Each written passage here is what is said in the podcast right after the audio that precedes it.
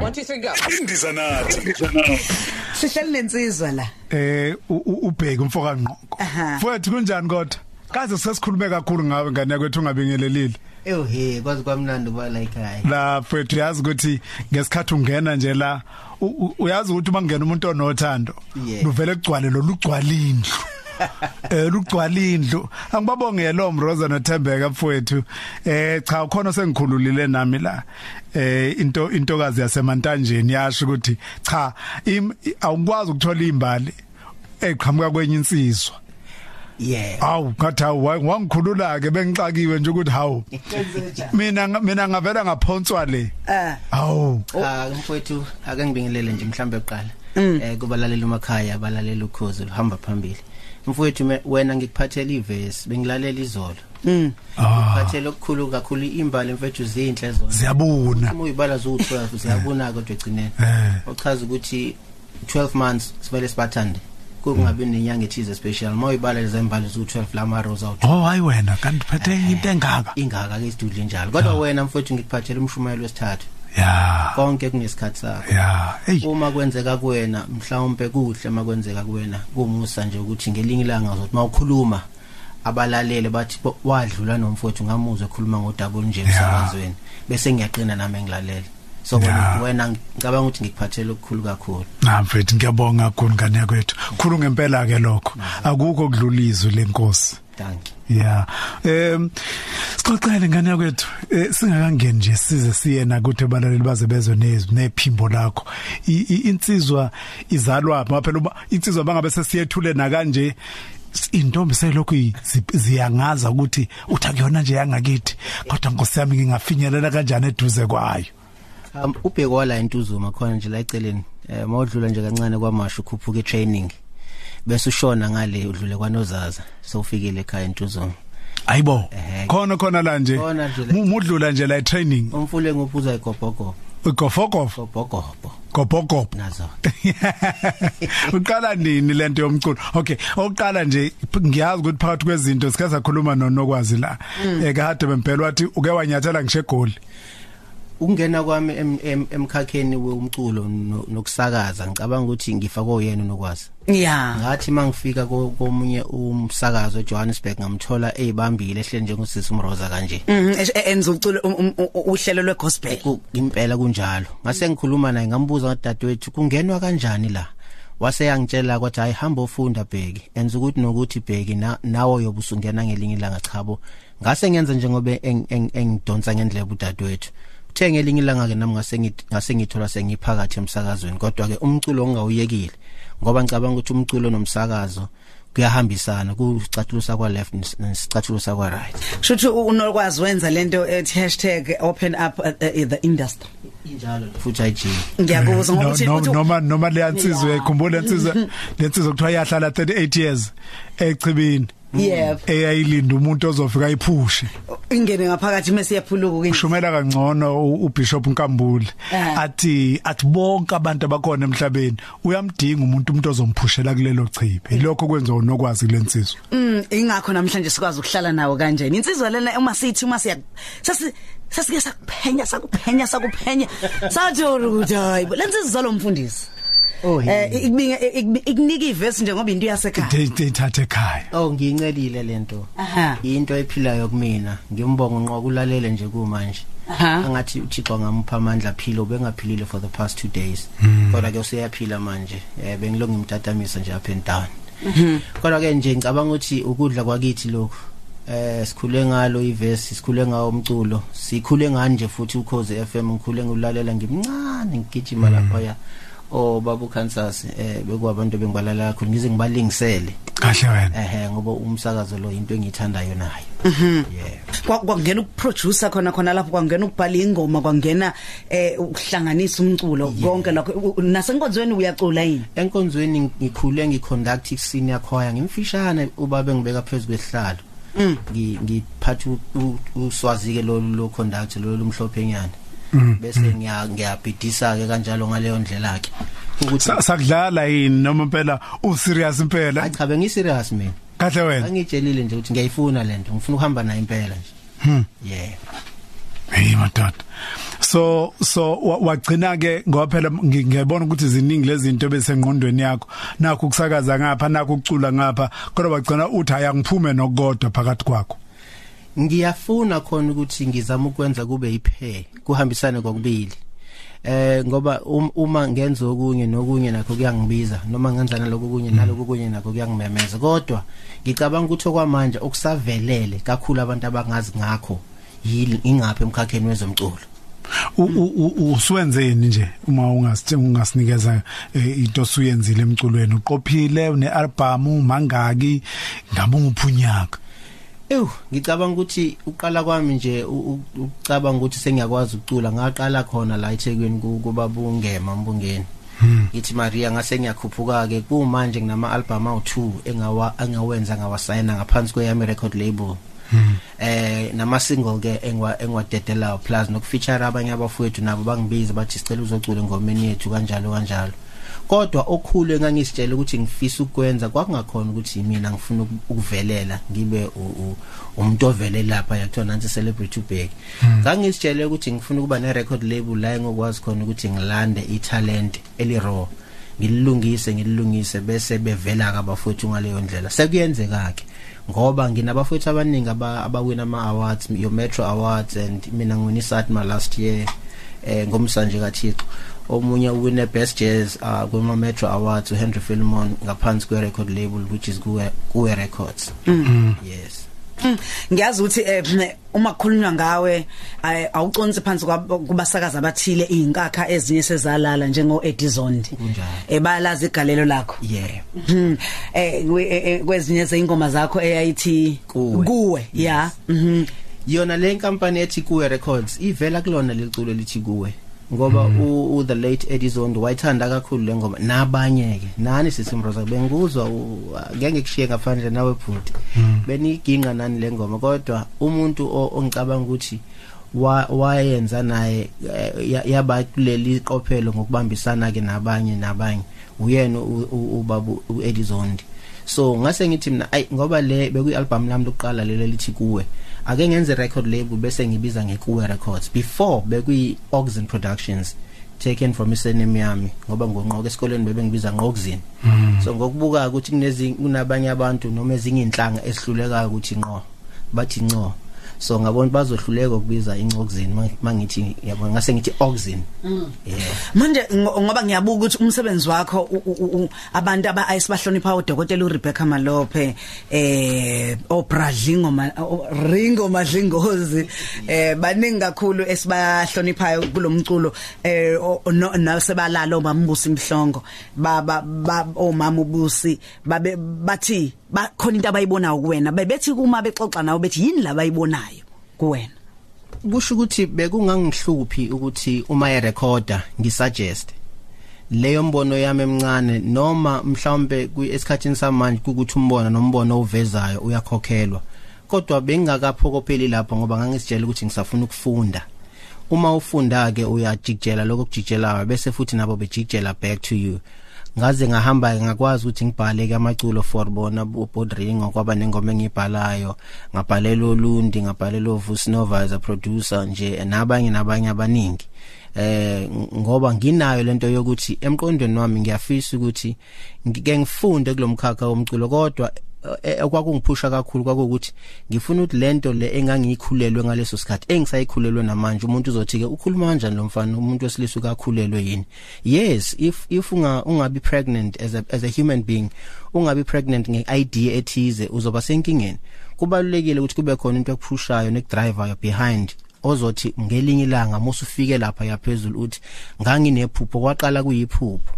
So into enjengaleyo ke eyangiphusha mina ukuthi egcineni kwakho konke ngithe mangiqeda ukubhala ngase ngithi ake ngizibambele mina ngibone ukuthi yini mhlawumbe engaphuma nje egcineni mhlawumbe nje sizothi ukuthi kancane ngala bese siyabuya sizongena engomeni ngoba siyayiqaqa eh, sizokutshela futhi ukuthi kuyiqiniso ukuthi uma ingoma yakhe ingakaze iqalwe okhosini ingaqalwanga kuyindiza nathi akuyona ingoma leyo Ngalo lesibili KFC ngo6 pieces ngo65 rand. Stop. Ngithi ngamaphisi sawu6 enkukhu. Stop it. Ngo65 rand nje kuphela. Stop it. I like it. Yebo, besazi ukuthi uzoyithanda. Atholakala ngalo lesibili kuphela eKFC. It's finger licking good. Kunemkomo nemibandela.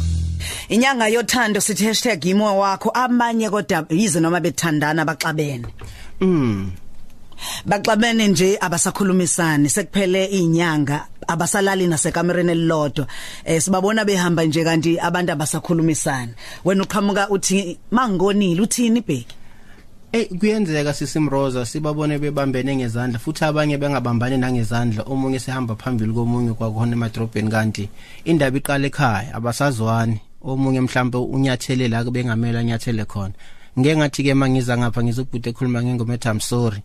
Ngase ngithi mina kushuthi nami ngayithatha le ngoma ethi I'm sorry ngayitolika ngayiletha ezulwini ngase ngithi eh mangikonile so kubalekile uxolisa nje. Eh, kuthina sonke uyazi u- ungaphakami kakhulu. Noma uzibona ukuthi khona iphutho lenzile ehlela ngezantsi uxolisa so ngase ngithi hayi ngoba sengiyibonile lento yenzeka enhlalweni nase na- nakubafuthi abanye ake ngibhalele ngoma ethi mangikonile ake simnike umlaleli siqaqile ngoma siyayiqaqala ke. 5 4 3 2 1 belile.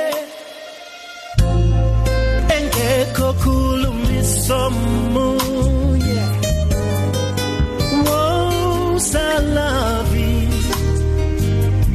ke sihlale phansi sixoxe mangonile